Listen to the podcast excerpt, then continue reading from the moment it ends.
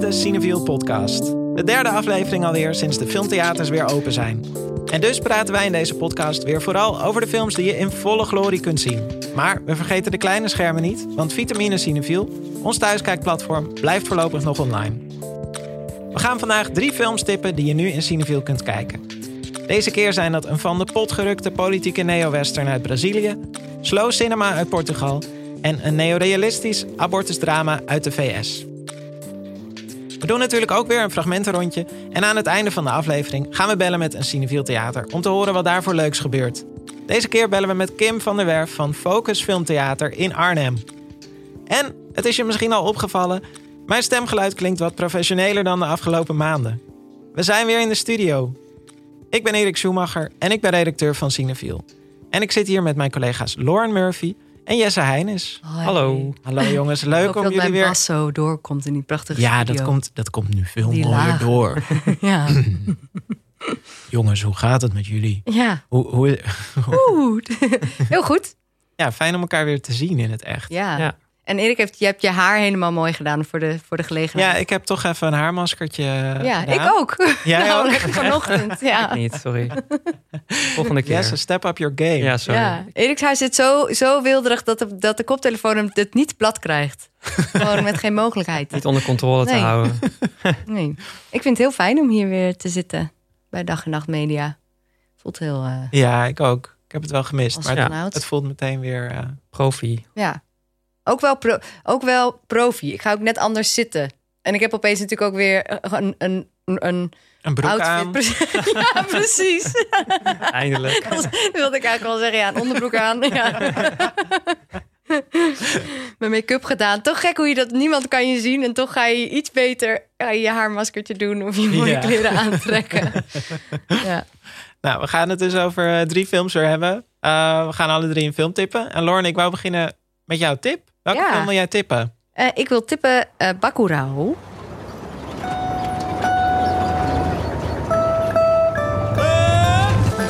Boa tarde, amigos de Bacurau. Cada um pode vir aqui pegar o mantimento que precisar, tá? Vamos usar a consciência, tá bom? So this is Baccarat. Quem nasce em Bacurau é o quê?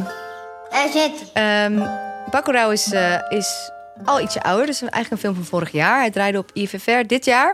Daar hebben wij hem denk ik alle drie gezien. Of in ieder geval... Ja? Ja, alle drie. Oh, ik heb hem wel gezien, maar niet Oh. op IFR. Oh. Nee. Nee. eh, en nu draait hij in, eh, in de theaters. En het is een, een hele... eh, ik vond het echt een steengoede film. Ik ben heel blij dat dit een beetje de, de, de eerste klapper van de zomer is. Zo voelt het een beetje, toch? De film waar iedereen naar uit heeft gekeken. Of in ieder geval waar een beetje hype omheen was. Ehm, en aangezien eh, Christopher Nolan's Tenet weer is verschoven... vind ik dit een hele goede heel goed alternatief. Ehm, het is een hele ga, nou, goud is helemaal niet het goede woord. eh, door elkaar gehutselde mix van genres en boodschappen. En eh, van twee regisseurs, twee Braziliaanse regisseurs. Juliano Dornelles en ehm Kleber Mendonça Filho. Die we misschien kennen van Aquarius. Die overigens nu op Vitamine Cineville staat. Maar ik nog niet heb gezien. Dat is wel geloof ik een heel ander soort film. Heel ander soort film. Ja, Bacurau is dus heel... Het, het, het, bestaat eigenlijk uit twee helften. Dus het eerste is een, eh, eigenlijk een heel mooi portret van een, een gemeenschap in Noord-Brazilië, een dorp. Ehm, en een vrouw gaat daar naar terug om, eh, omdat haar oma is overleden en begraven wordt. En zij was ook een beetje de matriarch van het hele dorp. Dus iedereen komt bijeen. Ehm, en dat wordt heel mooi geschetst. Ook de manier waarop zij met elkaar omgaan. De tradities die ze hebben. Welke rol iedereen speelt in die gemeenschap. Het zijn ook allemaal... ehm, voor een deel zijn het eh, mensen die ook echt uit Noord-Brazilië... daar gewoon gescout zijn in het dorpje waar ze hebben opgenomen. Voor een ander deel zijn het bijvoorbeeld Sonja Braga... een grote Braziliaanse actrice. ehm, en wat meer acteurs en actrices waar de... ehm, of acteurs waar de makers eerder mee hebben samengewerkt. En dan opeens halverwege... Er gebeuren al een paar gekke dingen zo in het begin.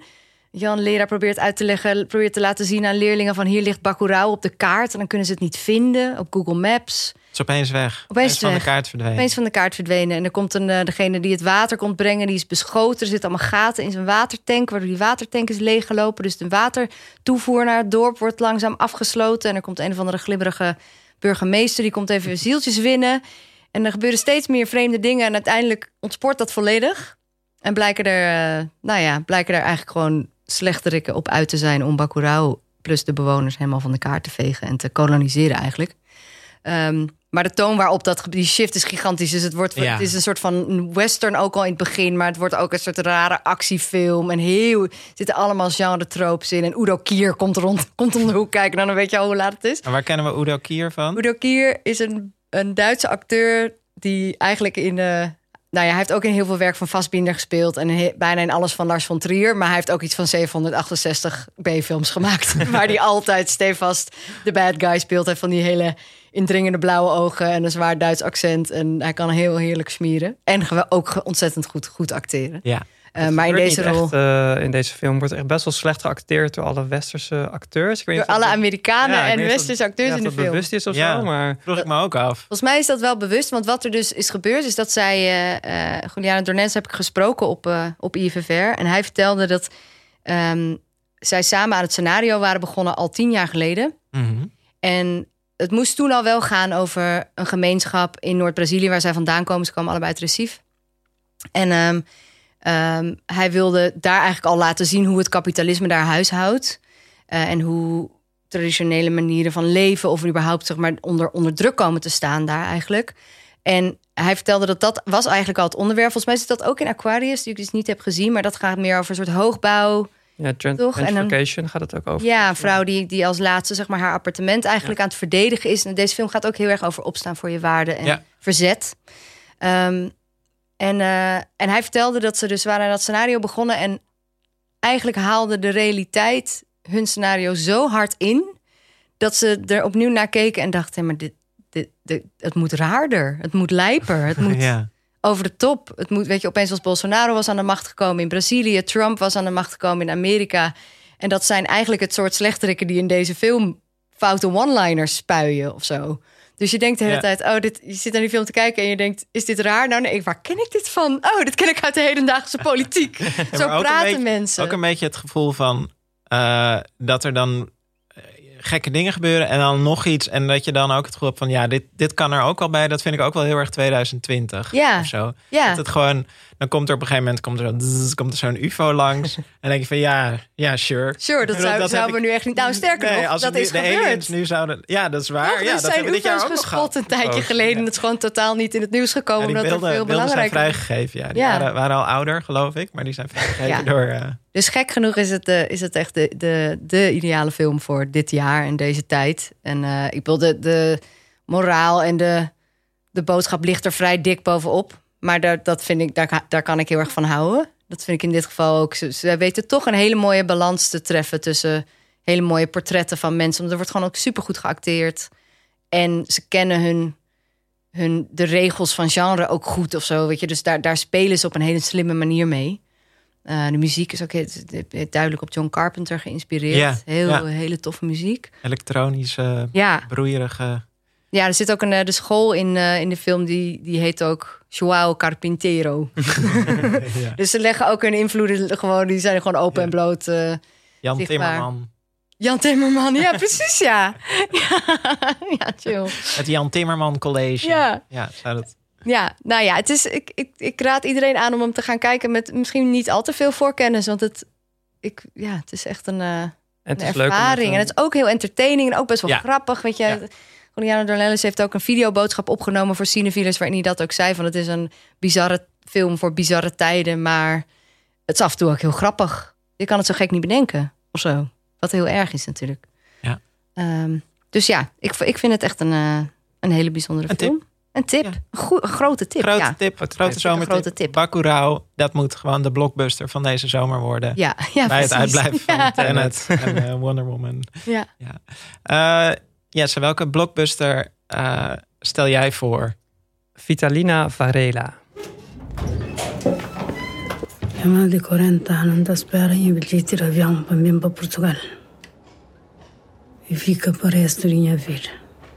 Cordeiro de Deus, que vos terás pecado imundo, tende piedade de nós. Um dia eu vou fugir para Portugal. Nem te logo vou cá falar. Vou falar, tá bem, tá bem, tá bem. Cordeiro de Deus, terá. Kan de blockbuster van deze zomer worden? Nou, ik weet het niet. Het is een, het is een van die films uit de previous re- released eh, serie. Waar het vorige keer volgens mij ook over ging. De souvenir. Van die films die op festivals hebben gedraaid. Daar prijzen hebben gewonnen. En niet zijn opgepikt door de distributeurs. Maar nu alsnog worden uitgebracht. Eh, Vitalina Varela heeft de, het Gouden Luipaard gewonnen van Locarno. Prestigieuze prijs. En ook de Zilveren eh, Luipaard voor de beste actrice. Eh, waar ik zo nog wat meer over zal vertellen. Maar ehm, ja, we hebben het wel eens in de podcast over van deze film moet je echt in de, bioscoop zien. En dat zijn dan vaak van die hele luide films met allemaal spectaculaire visuals. En eh, Vitalina Varela is eigenlijk ook zo'n film, maar meer omdat het een soort van slow cinema is. Zo'n film waarbij die echt moet ondergaan, waarbij elke vorm van afleiding eigenlijk eentje te veel is. Stilte speelt een hele belangrijke rol en sfeer en eh, de details in de frames en de structuren in de decors. Het is gewoon een, ja, het is echt zo'n film die, eh, die heel langzaam is, maar die je dus ook de tijd geeft om naar dingen echt naar te kijken en er dingen over na te denken. Eh, het is een film van Pedro Costa, een eh, Portugese filmmaker. Ehm, ik kende hem eigenlijk niet, maar hij eh, is bekend van de Fontanas trilogie, vernoemd naar een buitenwijk van Lissabon, waar hij heel veel films heeft gedraaid. Eh, het is een wijk waar veel migranten uit de voormalige kolonie van Portugal terecht zijn gekomen. En daar proberen onder best wel zware omstandigheden een leven op te bouwen. En bij een van die filmopnames heeft hij dus eh, Vitalina Varela ontmoet. Dus een, een, een vrouw die echt bestaat en die dus eigenlijk zichzelf speelt in deze film. En daar dus die prijs voor heeft gewonnen, wat echt super bijzonder is. Zij is geen actrice, maar zij speelt hier eigenlijk haar eigen levensverhaal. Ja. Ehm, en haar gezicht speelt ook een hele belangrijke rol in deze film. Maar haar acteren is gewoon super belangrijk en ze doet het ook super goed. En je kan zeg maar, aan haar gezicht zien wat zij. Ja, daar, daar kun je aan aflezen wat zij heeft meegemaakt en de, en de pijn die zij heeft gevoeld. Eh, het gaat over.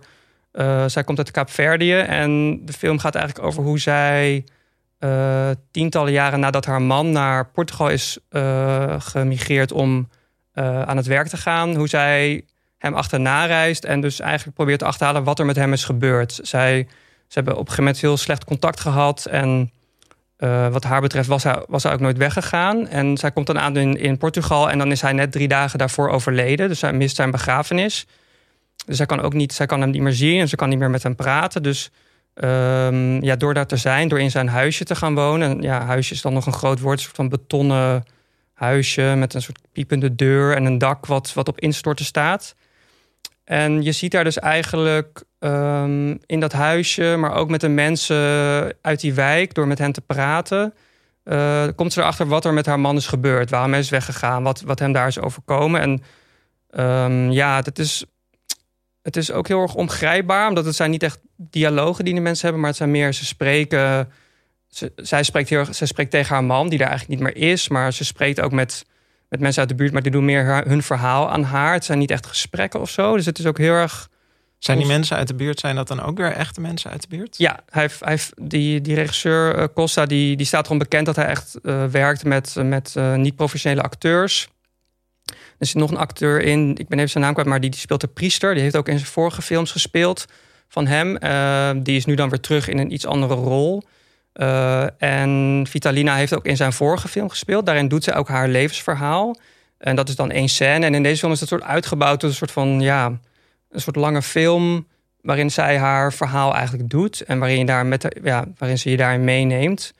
Ehm, Ik heb hem dus, ik heb hem nog niet gezien, maar wel de trailer. En dat leek, leek voor mij een beetje als een, ehm, alsof je door een, door, door gangen of ruimtes loopt met een, met een zaklamp. Ja, het is, Dus alsof je, dus, dus kreeg een beetje een soort onderbewuste, soort droomachtig, alsof je bijna in haar hoofd ja, zit door de beeld- De waarop film het is beeld echt wordt heel erg duister. Het, zeg maar, of, het, of het is buiten, eh, zeg maar, of het speelt zich buiten af en dan is het eigenlijk nacht.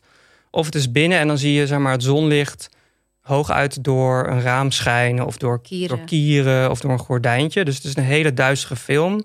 En dan zijn er volgens mij twee of drie momenten waarin een soort van flashback zit naar haar tijd in Kaapverdi. En dat is dan wel buiten. Dat, maakt een enorme impact, omdat je dus zo gewend raakt aan dat duister eigenlijk.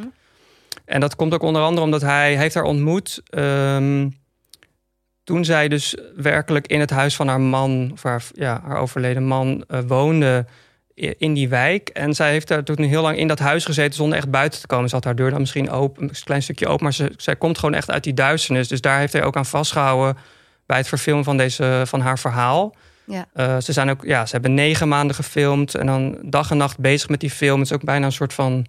Wauw. Ja, je bouwt ook een soort relatie op. Ze hebben het met z'n vieren gemaakt: een geluidsman, een cameraman, hij en dan Vitalina. En ja, het was voor mij ook. Het, het was een ongrijpbare film en voor mij meer een soort startpunt om meer over haar te weten te komen en het, en het proces van hoe die film gemaakt is. En over hem en over die geschiedenis. Misschien. Ja, dus het is gewoon Echt een film waarbij je na afloop meteen gaat googlen. Ja, of dus van tevoren. Ik, misschien kunnen we het in show notes zetten, maar het is een heel goed interview met, met de regisseur. Waarin hij heel veel dingen bespreekt. Hoe hij haar ontmoet heeft. Hoe zij tot een scenario zijn gekomen. Want ja, die, ook, ook het filmen zelf, zeg maar, dat licht, dat is echt zo. Je kan gewoon zien dat er inderdaad dagen over na is gedacht. Of uren van oké, hoe gaan we dit framen?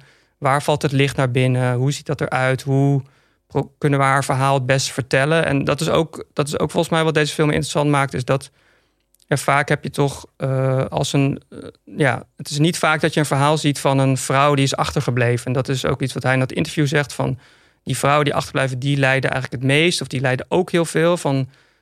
Zij worden achtergelaten door een man. Zij weten niet waar, wat, wat hij doet, uh, hoe ja. hij daar terecht is gekomen. Er, er, komen geen berichten door. Dus daar, daar gaat deze film ook heel erg over. Dat zij al die jaren zeg maar, in onzekerheid heeft gezeten. En ja, ik denk dat voor iedereen die veel meer anders binnenkomt of zo. Maar ja, voor mij was het vooral een startpunt om er meer over te weten te komen. En ook, ja, ik heb nu eigenlijk nu dat allemaal heb gelezen. Eigenlijk weer zin om nog een keer te zien. Ja. En zijn films worden dus, ja, die zijn, dat zijn gewoon niet de makkelijkste films. Dus die worden ook niet vaak vertoond. Ja. Uh, nou ja, hij is nu dan bij Previously Unreleased wordt die, uh, wordt die vertoond. Ik denk ook dat die, dat die prijs ook heel erg heeft geholpen in die zin. Ja. Um, ja, het is ook een film die je misschien makkelijk over het hoofd ziet. Maar die, ja, ik, ik denk ook niet dat hij heel lang in cinewiel gaat draaien. Dus als je hem wil zien, ga er zo snel mogelijk heen. Ja. Het is echt, uh, ja, ik vond het echt zeer de moeite waard. En uh, misschien zelfs nog een tweede keer. Ja, Vitalina Varela vanaf deze week uh, te zien in Cineviel. Een andere film die in première gaat deze week is Maiden. En dat is een documentaire over uh, ja, het verhaal van de eerste volledig vrouwelijke crew die meedeed aan de Whitbread Around the World zeilrace in 1989. Ik, ik kende die zeilrace niet. Maar Lauren misschien wel als nee, ik zeiler? Niet. Ik ben helemaal geen, ze geen zeiler. Ik ben met een zeiler. maar je, je, had zelf toch ook een zeil? Ik heb een cursusje gedaan, maar ik zou niet. Maar we fietsten toevallig wel je van weet de wel week bakboord langs. en stuurboord. Dat weet ik nog net. Nou, die haal ik heel vaak door elkaar. Echt? ja. Um, maar we fietsten van de week uh, fietste ik met mijn vriend door de Haarlemmer dijk, over de Haarlemmerdijk in Amsterdam. Toen fietsen we langs de movies en daar hing een poster van Maiden. En die zei meteen, oh, dat is die race. Ja. Dus die wist wel meteen waar het over ging. En um, ja, dus ik denk wel dat we die nog even moeten gaan kijken. Ik heb hem nog niet gezien. Ik ook niet. We gaan maar... deze zomer zeilen. Dus misschien is het goede inspiratie. Voor het eerst ga ik twee weken zeilen. Ja, wow, spannend. Waar ga je naartoe? Nederland. Kijken hoe ver je... ja, kijk richting de Wadden. Kijken waar Niet zo gevaarlijk als in deze film, denk ik. Nee, ik hoop Nou, de niet. Wadden, dat is volgens mij... Uh, nou, het, vooral het. IJsselmeer, hè? Dat, dat, die, dat is altijd heel heftig, blijkbaar. Ja? ja. Nou, we gaan het zien. Is op de hoogte. Voorzichtig Ja. doen. um, ik wilde naar het fragmentenrondje en dan uh, wilde ik het niet over Maiden hebben, maar over andere sporthelden uit de filmgeschiedenis. Yes. Ik was benieuwd naar jullie favoriete sporters. Uh, Lauren, welk fragmentje heb jij meegenomen? Ik heb een fragmentje meegenomen uit uh, Girl Fight. Girl Fight. Girl Fight uit 2000. Um, die ik wel al een hele tijd niet heb gezien, maar die toen wel heel veel indruk op me heeft gemaakt. Want ik zat toen in de derde, dus denk ik. En iedereen had het wel over die film. Want het was zo de poster, dan zie je Michelle Rodriguez zo heel indringend in de camera kijken. En zo opent de film ook met een soort statisch shot of een shot wat zo langzaam inzoomt op haar gezicht. En zij heeft zoveel kracht zit er in haar blik alleen al. Um, dat die, die moest ik toen gaan kijken. Terwijl ik toen nog, ik, ik kickbox nu graag, maar dat deed ik toen helemaal nog niet. Maar het was gewoon meer een soort. En ik vind eigenlijk. Ik, dacht, ik wilde wel meteen iets met een, een, een personage dat bokst doen. Omdat ik de boxfilm of zo als subgenre. Dat zit, het volgt eigenlijk altijd een beetje dezelfde lijn. En sportfilms hebben natuurlijk sowieso heel erg in zich van dat against all odds. En dan naar Ja. de overwinning, weet Ja. je wel. En bij boksen heb je dat natuurlijk uitvergroot. Omdat het letterlijk gaat over. Nou, ook levensgevaarlijk tot op. Nou, niet eens tot op zekere hoogte. Het kan levensgevaarlijk zijn. Dus En het is daar... heel filmisch, denk ik. En het is heel filmisch. En het is, het is, het zijn vaak, weet je, boksen is, is natuurlijk ook een sport die vaak juist gaat over, ook over mensen die het misschien niet makkelijk hebben gehad in het leven, die dan juist in zo'n sport zich gaan bewijzen. Ehm, en dat, dat is ook deel een beetje van die hele de hele retoriek daaromheen of zo. Ook de vechtsport is natuurlijk altijd van de underdog die dan, Ja. weet je wel, ook in het echt. Dus, dus als, eh, nou ja. En wie zijn dat in het echte leven? Zijn natuurlijk onder andere ook vrouwen die zich omhoog moeten boksen. Ehm, dus daarom vind ik deze film is interessant, omdat het dus gaat over een, een, eh, een jonge vrouw die, die ehm, nou, boos is met reden. Gewoon best wel een rot situatie heeft thuis. Gewoon eh, geen goede relatie met haar vader. Ehm, op school best wel geboelied wordt. Af en toe om zich heen slaat uit frustratie. En dat dan uiteindelijk gaat kanaliseren in boksen, de sport. En eh, haar vader heeft dan haar broer op boksen gezet... omdat hij eigenlijk wil dat hij professioneel bokser wordt. En zij slaat dan op een gegeven moment een andere jongen... Die haar broer, want haar broertje is eigenlijk gewoon een beetje een softie. En, eh, en zij, zij slaat dan op een gegeven moment iemand in elkaar die hem intimideert. En dan denkt ze, hey, dit is eigenlijk wel iets voor mij. En dan wil ze zelf gaan trainen. Michelle Rodriguez speelt het dus.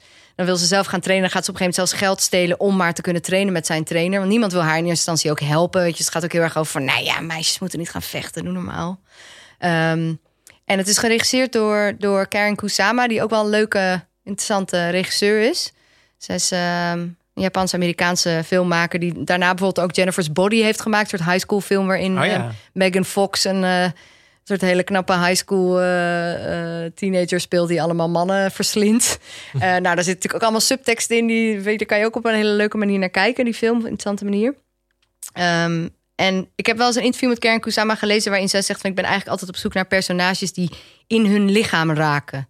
Dus die hun lichaam zich eigen gaan maken... op wat voor manier dan ook. En eigenlijk is Girl Fight, is haar debuut... Ja. is daar het, het meest duidelijke voorbeeld van.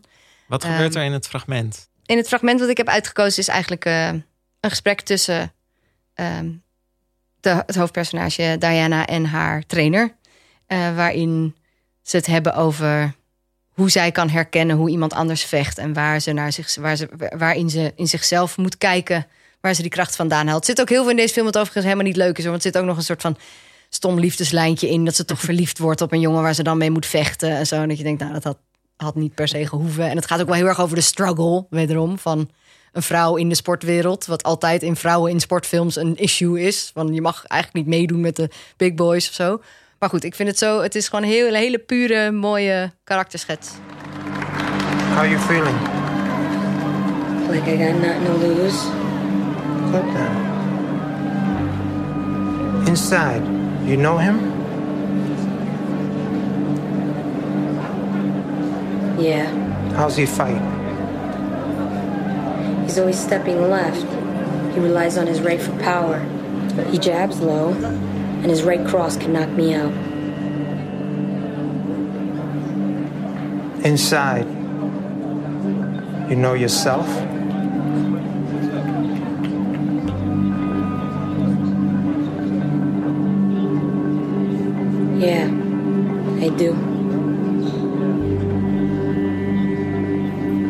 That's all you need.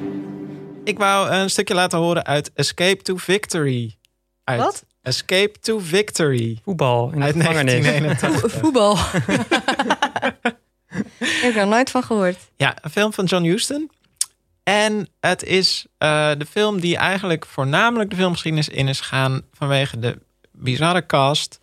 Eh, bestaan, eh, ja, je, je hebt dus de hele tijd scènes waarin Michael Caine, Sylvester Stallone en Pele met elkaar eh, bezig zijn. What? Ehm, hij speelt zich. Sir Michael Caine? Ja, Michael Caine die heeft na afloop gezegd dat hij alleen maar meedeed aan deze film omdat hij gewoon het was gewoon zijn jongensdroom om met Pele eh, te voetballen. Ja, Ja. Dus Pele de, de grootste voetballer aller tijden eh, volgens velen, de Braziliaan. Ehm, en het, het, het speelt zich af, deze film, tijdens de Tweede Wereldoorlog in een, in een eh, eh, ja, gevangenenkamp. Of, ja, het zijn prisoners of war die door de Duitsers gevangen zijn genomen. En eigenlijk eh, uit allerlei landen. En die gaan dan een voetbalwedstrijd spelen tegen hun Duitse bewakers. En er zit een heel plot omheen waarbij ze dan eh, eigenlijk gaan ontsnappen. En dat gaat dan via het, eh, het verzet in Parijs. En die graven een tunnel. En dan moeten ze in de rust. Dan, dan, zijn ze, dan gaan ze uiteindelijk dus voetballen tegen die Duitsers. Ja, ik, ik bedoel. Is het waar gebeurd? Nee, nee het, is, ja, het is soort van. Het heeft wel ergens. Ja, toch? Ehm, er is in Kiev. een verhaal over uh, profvoet, uh, of ja, uh, dus, dus bekende voetballers van Dynamo Kiev, geloof ik, die dan tegen Duitsers gingen voetballen tijdens de oorlog. En daar is ook een, een bekende film over gemaakt. Two Half Times in Hell uh, is de Engelse titel. Uh, in het Hongaars is het iets anders. Dat is dan, uh, nou ja, dat is, nou ja, dat gaat te ver. Maar dat is allemaal niet helemaal precies hoe het is gegaan. Het is een verhaal uit de oorlog wat toen in Hongarije is verfilmd en een ander verhaal is geworden. En dit is vervolgens dus in Amerikaanse handen met een ja, dus Amerikanen die een voetbalfilm gingen maken met een cast over de hele wereld. Het is gewoon een heel gek project. En um, er waren ook superveel, dus echte voetballers bij betrokken. Uh, dus Pele, maar allerlei, allerlei beroemde voetballers deden mee. Uh, destijds ook echt gewoon, ja, de, de, veel spelers van Ipswich Town, wat toen echt een van de beste clubs van Europa was. En die gingen ervoor zorgen dat het voetbal er goed uitzag in de film. En het ziet er gewoon niet uit. het is gewoon... Wat dat boksen, dat Michael Caine kan eigenlijk helemaal niet. ja, maar een soort van Pele... Je hebt dan Pele op het veld. Maar alsnog is het gewoon een, uh, een uitgeschreven scène, zou ik maar... Het is een choreografie.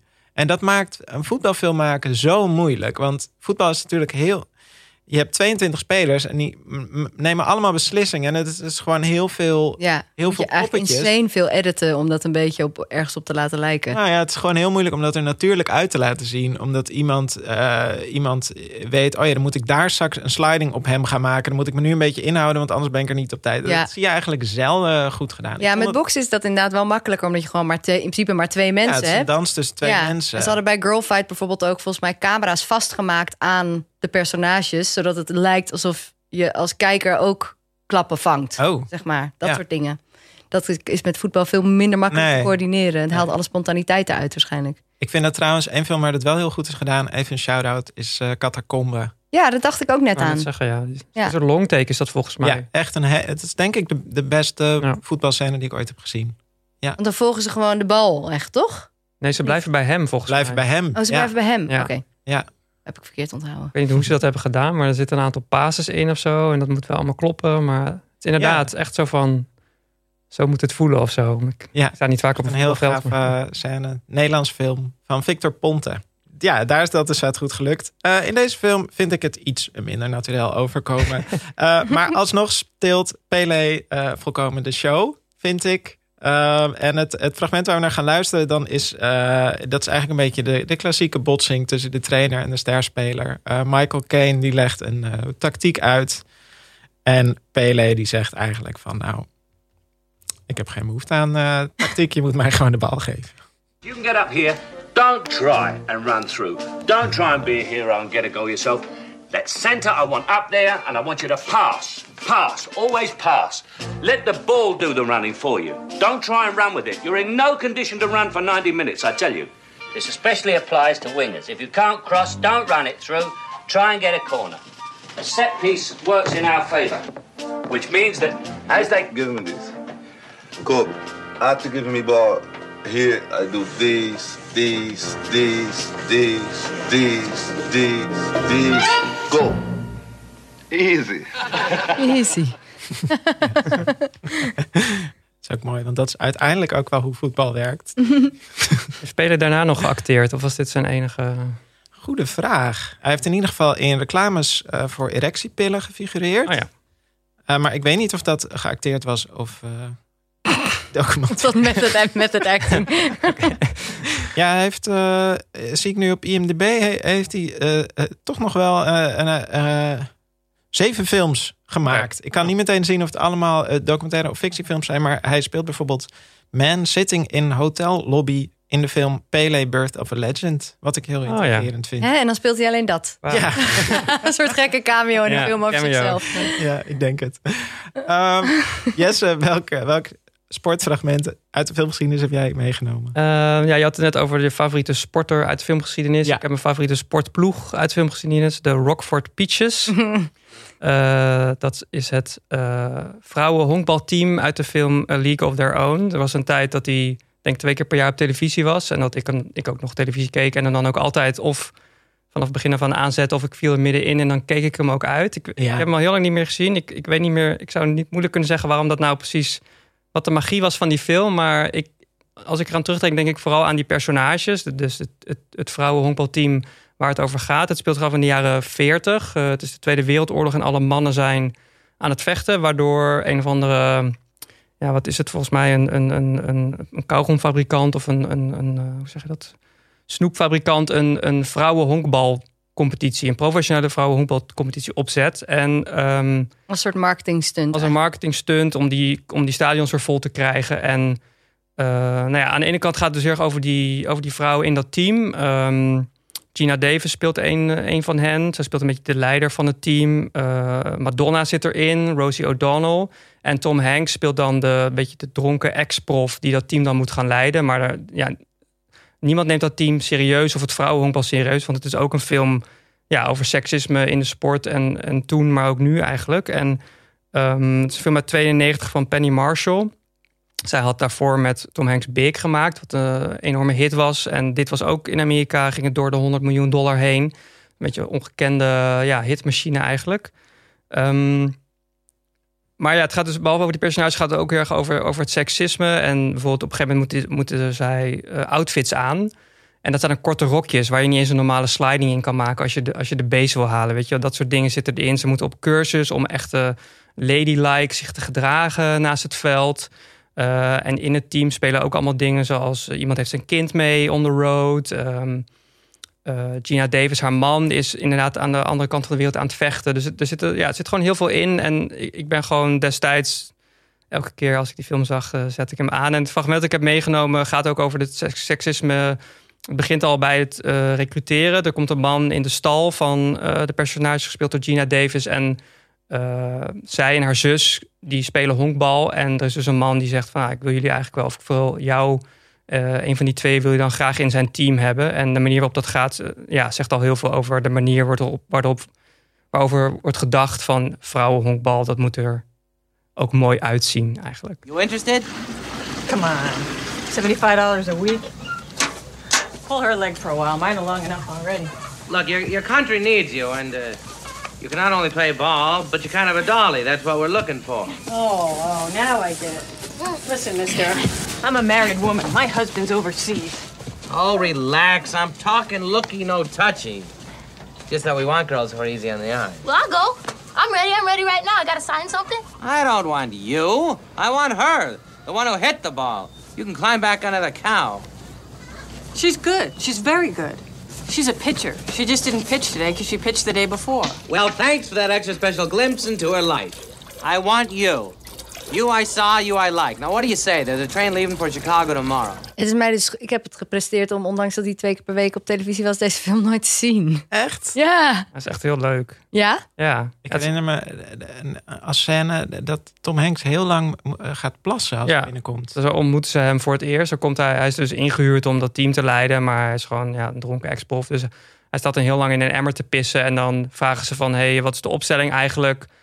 En dan ligt hij alweer te tukken, dus dan moet, uh, moet iemand anders dat doen. Dus ja, het, aan de ene kant is het heel erg feel good met echt van die sportmomenten, van die montages van kijk, het gaat steeds beter, de stadions worden steeds voller. Uh, er staat veel op het spel, die ene wedstrijd waar alles om gaat. Maar tegelijkertijd zit ook heel veel van die elementen in die gewoon gaan over van ja, hoe dat toen is opgezet. Want het is ook echt gebeurd. Mm -hmm. uh, ja, en Penny Marshall had natuurlijk ook heel erg oog voor dat soort dingen. En dat zit er ook echt wel in, zonder dat het een soort van brekerige film wordt of een heel erg pamfletachtige film. Maar wel gewoon ook naar chauvinistisch Ja. mannengedrag. Ja, absoluut. Ja. Ik was sowieso nooit echt een hele grote fan van sportfilms. Misschien dat ik hem daarom ook nooit aanzette. Je had de hele Field of Dreams, zeg maar een beetje die tijd was het ook. En ik dacht altijd, ik, ik, ik kijk ook niet zoveel sport op televisie of zo. Dus dan denk ik ook altijd dat ik sportfilms niet leuk vind. Terwijl het natuurlijk helemaal niet per se is zo hoeft anders. te zijn. Het is toch Ja. iets anders.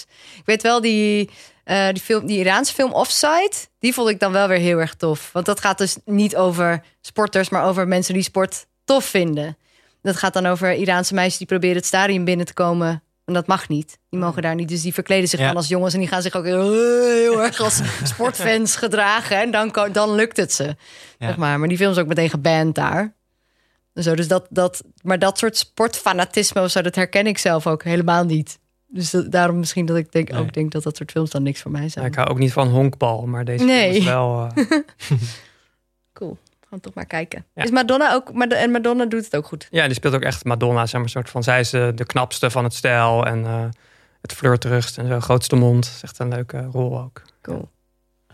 Ik wil ook een uh, film gaan tippen die nu overal in Cineville te zien is. En dat is Never, Rarely, Sometimes, Always.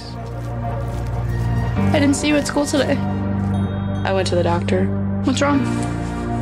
Girl problems. Don't you ever just wish you were a dude? All the time. This is the most magical sound you will ever hear.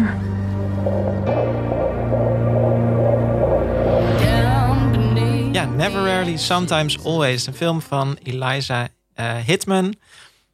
Um, uit, uh, uit Amerika. Het gaat over uh, Autumn. Dat is een debuutrol van Sidney Flanagan. En toen ik zag dat dat een debuutrol was, kon ik Ja. dat eigenlijk niet geloven. Niet normaal. Uh, zij speelt een meisje van 17 in Pennsylvania dat zwanger raakt.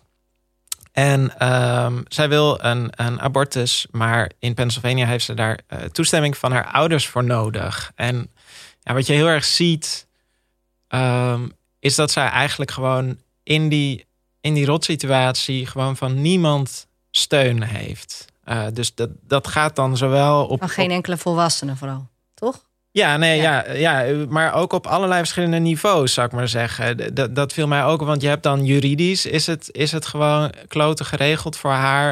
Um, uh, en institutioneel, maar ook binnen haar gezin heeft ze niet het gevoel dat ze bij haar ouders terecht kan daarmee. Uh, uh, hulpverleners um, gaan haar een filmpje laten zien over uh, hoe moorddadig abortus is. Um, ja, ze heeft niemand bij wie ze aan kan kloppen, ja, behalve dan haar nichtje, uh, Skylar. Ze werken samen in de supermarkt. Met een hele vieze baas. Oh. oh. Die elke keer als ze hun briefje met uren inlevert... door het luikje hun hand gaat kussen. Ja, zo smerig. Daar begint het al, ja. Ja, die hele film wordt er eigenlijk ook... Je voelt de hele tijd dat er, dat er jacht op ze gemaakt wordt... door allemaal mannen om hun heen. Die dreiging hangt constant in de lucht. Ja. En... Uh, ja, dan denk ik ook weer aan die verschillende niveaus. Want die abortuswetten zijn natuurlijk ook weer door mannen gemaakt. Um, want uiteindelijk gaan ze naar New York. Ja, ze gaan dan naar uh, New York, want daar zijn, dat is dan een andere staat. Daar kunnen ze dan uh, naartoe met de bus. En daar zijn de wetten iets anders. Daar kan je wel uh, als minderjarige zonder toestemming van je ouders een abortus laten doen. Um, ja, dus de, het, het is het is een, heeft heel erg een politiek element, de film. Maar ik vond het ook een heel mooie karakterstudie eigenlijk. Ja, van die twee meisjes ook. Die twee meisjes. Die hebben echt een hele... Ik heb hem vorig weekend gezien in de movies. Um, movies komt vaak terug, maar dat support your locals. um, en ik vond inderdaad heel... Er zit heel weinig dialoog in, eigenlijk. En ze zijn ook niet per se altijd heel vriendelijk tegen elkaar. Nee. Maar ze zijn super. Maar je begrijpt totaal hoe ze zich tot elkaar verhouden. Waar hun steun naar elkaar toe hem in zit. Hoe ze precies op de juiste momenten wel gewoon de goede blik geven. De goede arm om de schouder. Gewoon doen wat er nodig is zonder daar heel erg over lang in te blijven hangen. Weet je, als, als iemand geen zin heeft om over iets te praten, dan hoeft dat ook niet. Ja. En dat vond ik heel mooi in beeld gebracht en heel goed geacteerd. En ook wel heel herkenbaar of zo voor sommige vriendschappen die je denk ook als man of als maar gewoon als mens kan hebben. Weet je wel, dat er gewoon met heel weinig woorden heel veel wordt gezegd. Ja, want die Autumn die zit gewoon heel erg in. Je ziet haar eigenlijk verdwijnen, hoe moeilijker ze het heeft. Je ziet bij haar heel erg dat dat de reflex is. Om ja, maar bij Skylar eigenlijk keren. ook. Ja. Op haar manier. Ja. die maken, ze maken ook samen bepaalde dingen mee. Dat je denkt, oh ja, ze, ze veroordelen elkaar niet. Dat vond ik heel, heel fijn um, in beeld gebracht ook. Dat ze eigenlijk vanaf het begin, als zij zegt... ik heb een test gedaan. Ah, oké. Okay. Ik weet wel hoe het zit. Ja. Weet je, wel? En je hoeft, daar niet, je hoeft niet te zeggen hoe je ja. daarover voelt... of hoe dat is gebeurd ook. Weet je wel? Dat wordt ook in het midden gelaten... hoe ze precies zwanger is geraakt van wie. Ja. Um, en daar kan je als kijker dan zelf de blanks voor invullen. En die zijn heel pijnlijk en verdrietig. Op het moment dat dat gebeurt, dan in, ik moest, toen moest ik zo ontzettend huilen. En ik heb elke keer toch bij zo'n film... dat je daarna denkt... wat een rotwereld voor jonge vrouwen of voor vrouwen in het algemeen. Ja. Dat weet je natuurlijk ook allemaal wel. En het ligt er soms ook wel best dik bovenop, vond ik. Of in de zin van iedere man in deze film is gewoon niet oké. Okay. Op heel veel verschillende niveaus. Dat is hopelijk in de echte wereld niet zo. En zo heb ik het ook helemaal niet in mijn leven alleen maar ervaren. Maar het wordt wel... Tegelijkertijd denk je wel bij iedere man in de film die langskomt... denk je, ja, maar die ken ik ook. Ja. En dat, dat is het pijnlijke daaraan. Ja. Dat, je, dat je wel denkt, jeetje man, wat zou even als moeder met een dochter, zeg maar. Die, die dat perspectief kreeg ik heel erg ook van. pff, Want die ouders die hebben ook geen wereld. rol in dit verhaal? Of? Nou, die zie je eigenlijk alleen in het begin.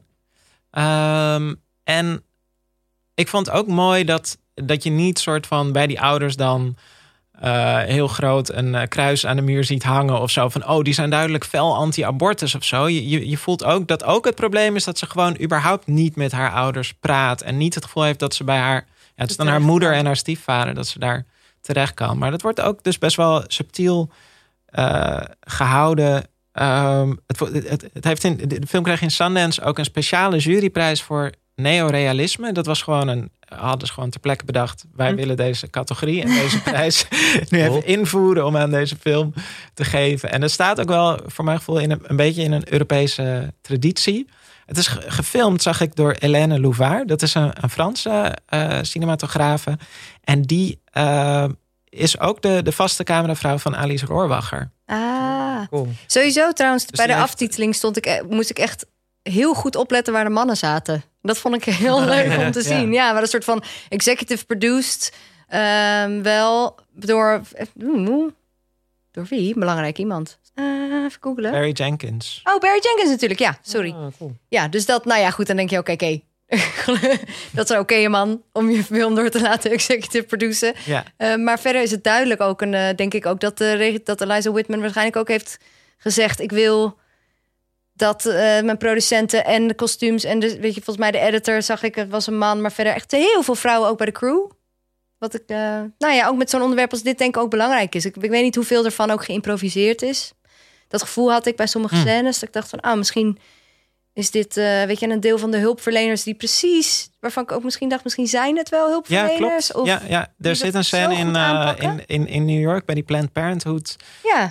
Eh, dat is ook echt een vrouw die dat werk doet. En het Nou, is gewoon heel dat precies. waarschijnlijk heel goed dan in haar eigen leven. Dat, vond ik ook heel mooi. Dat, dat, er, dat, daar ook, dat er ook heel veel. Dat het niet alleen maar bleek was. Maar dat er ook van dat soort tedere momenten in zaten. En mensen die haar uiteindelijk dan wel.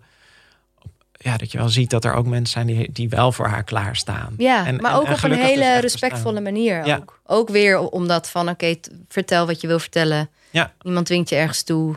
Ja, Ja. en dat is dus precies hoe dat gaat eh, bij, die, eh, bij die Planned Parenthood. Ja. Eh, dat hebben ze heel goed geresearched. Ja, ik vond het ook een hele mooie, mooie kleine film. Ja. Never rarely, sometimes, always. We gaan even bellen met een uh, Cinefiel Theater om te horen hoe het daar gaat. En eh, deze keer bellen we met Kim van der Werf van Focus Filmtheater in Arnhem. Hallo, met Kim. Hoi, hoi met eh, de Cinefiel podcast met Erik. Goedemiddag. Goedemiddag. Hoe, eh, hoe gaat het daar? Ehm, nou, het gaat best goed. Wat fijn. Ja, ik moet een beetje positief blijven, vind ik. Ja, we Dus, moeten allemaal gewoon ja. positief blijven. Ja. Best goed is, is goed. Wat, Best gaat goed er, wat best gaat er goed? Nou, eh, het bezoek neemt toe. Ehm, het begon al een beetje aarzelend, hè? Jullie, dat weten jullie vast ook wel. In het begin was, eh, waren de bezoekersaantallen echt eh, heel laag. Maar dat neemt zo heel gestaag toe. En het programma wordt ook interessanter.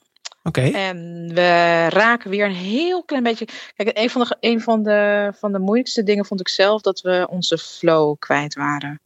Dat geldt echt voor, denk, voor de hele wereld. Maar ehm, ja, we, we waren echt, eh, vond ik zelf, heel goed bezig. En eh, opeens eh, is een soort absoluut niks. En dan 2,5 uh, maand later mag je weer wat. Ja. En dat was wel heel fijn. Maar ehm, ja, je moet het publiek wel op de een of andere manier weer zien te verleiden om, om te komen. Mhm. Dus, eh, en zelf ook e- even wennen aan, eh, aan de nieuwe situatie. Want het is hier wel, eh, ik denk dat het overal zo is, een eh, hele merkwaardige toestand met, eh, met afzettingen en pijltjes en eh, eenrichtingsroutes. Waar je natuurlijk, zelfs als je er tien keer per dag langs loopt, nog steeds de verkeerde kant neemt en zo. Dus dat is waar wennen. Hoe hebben jullie dat eh, neergezet? Hebben jullie daar nog een beetje iets eh, gezelligs van geprobeerd te maken? Of is er gewoon... eh, Uiteraard. Ja, nou ja, eh, wat is er mooi aan afzetlinten? Ehm, ja, we hebben wel, wel een beetje huisstijlachtige dingen ontworpen. En in de zalen hebben jullie ook iets bijzonders gedaan, toch? Zag ik in de krant. Jazeker, we hebben, we hebben eh, filmsterren. eh, we, we hebben voor mensen die alleen komen en die, die ehm, zich een beetje eenzaam voelen, hebben we, eh, hebben we een soort kartonnen gezelschap gefabriceerd. dus je zou, je kunt naar. Nou ja, ik kan jullie vertellen dat we hebben dus een George Clooney eh, hebben we. We hebben er twee van. En ik denk, ja, Dat zijn is dan gewoon een soort manshoge uitsnede die je dan naast Nee, hebt? niet manshoog, maar Oh. hij, ze zitten namelijk. Hè? Oh ja, ja, Ze precies. zijn vanaf ongeveer middel. Zijn ze, Letter. en dan zijn ze stoelen gepositioneerd. En, eh, maar er zijn al ontzettend veel vrouwen met eh, George Clooney op de foto eh, geweest. En ik denk ook mannen trouwens hoor. Maar hij is nog wel heel. Hij is nog heel, Nog niet ja. Ik gestolen. moet wel zeggen dat we, ik dacht dat we er twee hadden, maar eentje heb ik al heel lang niet gezien. Die is mee naar huis. Ja, ik denk dat hij mee naar huis is, ja. ja. Maar we hebben ook eh Timothée Chalamet hebben we en we hebben eh, Brad Pitt. Eh, er zijn echt hevige discussies gevoerd over wie we moesten se- selecteren. Weet je, wie past er bij ons? Wat voor, waar ga je voor? Ga je voor inderdaad voor, voor dit soort toestanden dat mensen met, met George Clooney op de foto willen? Of eh, neem je een eh, doorsnee van, eh, van ehm, het veel, echte filmtheater, eh filmtheaterprofessionals. Dus, dus we hebben bijvoorbeeld ook Anja Zwarda, hebben we. Oh, ja. Ah, daar wil ik wel Dat vind ik persoonlijk heel erg leuk. Ja. Maar ik denk dat bijna niemand haar herkent. Oh. Maar dat maakt niet uit. We hebben ook eh, Tarkovsky. Ook een. eh, en we hebben E.T. En die vind ik ook heel erg leuk. Maar zijn dan E.T. en Anja Zwaarda, ze zijn ook allemaal natuurlijk in het echt... Of zijn ze niet allemaal even lang? Zijn ze dan... Zeg maar, je wil echt wel achter Anja Zwaarda zitten in de zaal. Als je Ja, er op maar echt een hebben groot wel hebt goede gemaakt. zichtlijnen, hè, dus, eh, Oh ja, dus oké. het gaat allemaal wel. Het lijkt me heel interessant om samen met Tarkovsky naar de beentjes van Sint Hildegard. Ik denk dat Tarkovsky zich in zijn graf omdraait. En je zei net van, eh, dat, het, dat het programma beter wordt. Wat bedoel je daarmee? Nou, dat er wel weer. Kijk, in het begin starten we wel ook met wat oude wat films die we voor de hele corona-misère eh, ook al draaiden. Eh, maar ik heb het idee dat nu de distributeurs ook wel weer een beetje vertrouwen krijgen en hun nieuwe films uitbrengen. En, zodat het, ons programma gewoon wat gevarieerder wordt. En we kunnen ook meer voorstellingen draaien, dus dat betekent dat we ook meer, weer meer variatie kunnen aanbrengen. Want eerder was het, ja, we, we zijn natuurlijk heel veilig begonnen met voorstellingen heel ver uit elkaar. En dat beperkt je dan ook wel in het aantal titels eh, dat je kunt vertonen. Ja. En hebben jullie Dus, nog eh, speciale programma's die buiten, buiten het aanbod van de, het recente aanbod? Ehm, ja, we hebben nu een eh, klassieke reeksje lopen. En we, hebben, we doen ook mee aan Previously Unreleased natuurlijk. Wat ik zelf echt een heel mooi programma vind. Ja. En we, eh, zijn, eh, we hebben net de laatste hand eh, gelegd aan een, aan een dakprogramma. Aan een zomerprogramma. Want wij hebben natuurlijk eh, zo'n openluchtzaal. Waar we iedere zomer ehm, toch behoorlijke speciale programmering voor maken. Ja, echt gaaf. Gewoon op het dak hebben jullie een... Ja, ja dat is onze, onze standaard openluchtzaal. Dus eh, vorig jaar hebben we eh, in de, hele, in de zomervakantie hebben we iedere avond films, een film vertoond. En ik geloof dat we drie keer hebben gecanceld. Want dat Dat doe je als het heel ja. hard stormt. Ja, als het heel hard regent en, stormt, dan is het niet echt heel prettig om daar te zitten. Dus dan eh, cancelen we het. Ja. En we hebben nu een eh, soort aanloop genomen. We hebben ICU hebben we twee keer vertoond op het dak. ehm, begin juni. En dat was heel leuk. Eén voorstelling kon doorgaan op het dak en de andere niet. Maar we konden gelukkig verplaatsen naar de zaal. Ja.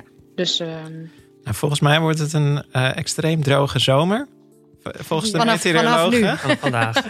Ja, dat is voorspeld, toch? Dus dat is slecht nieuws voor eh, de, de natuur. Maar goed nieuws voor Focus. Zeker, voor ons is dat echt heel goed nieuws. Ja.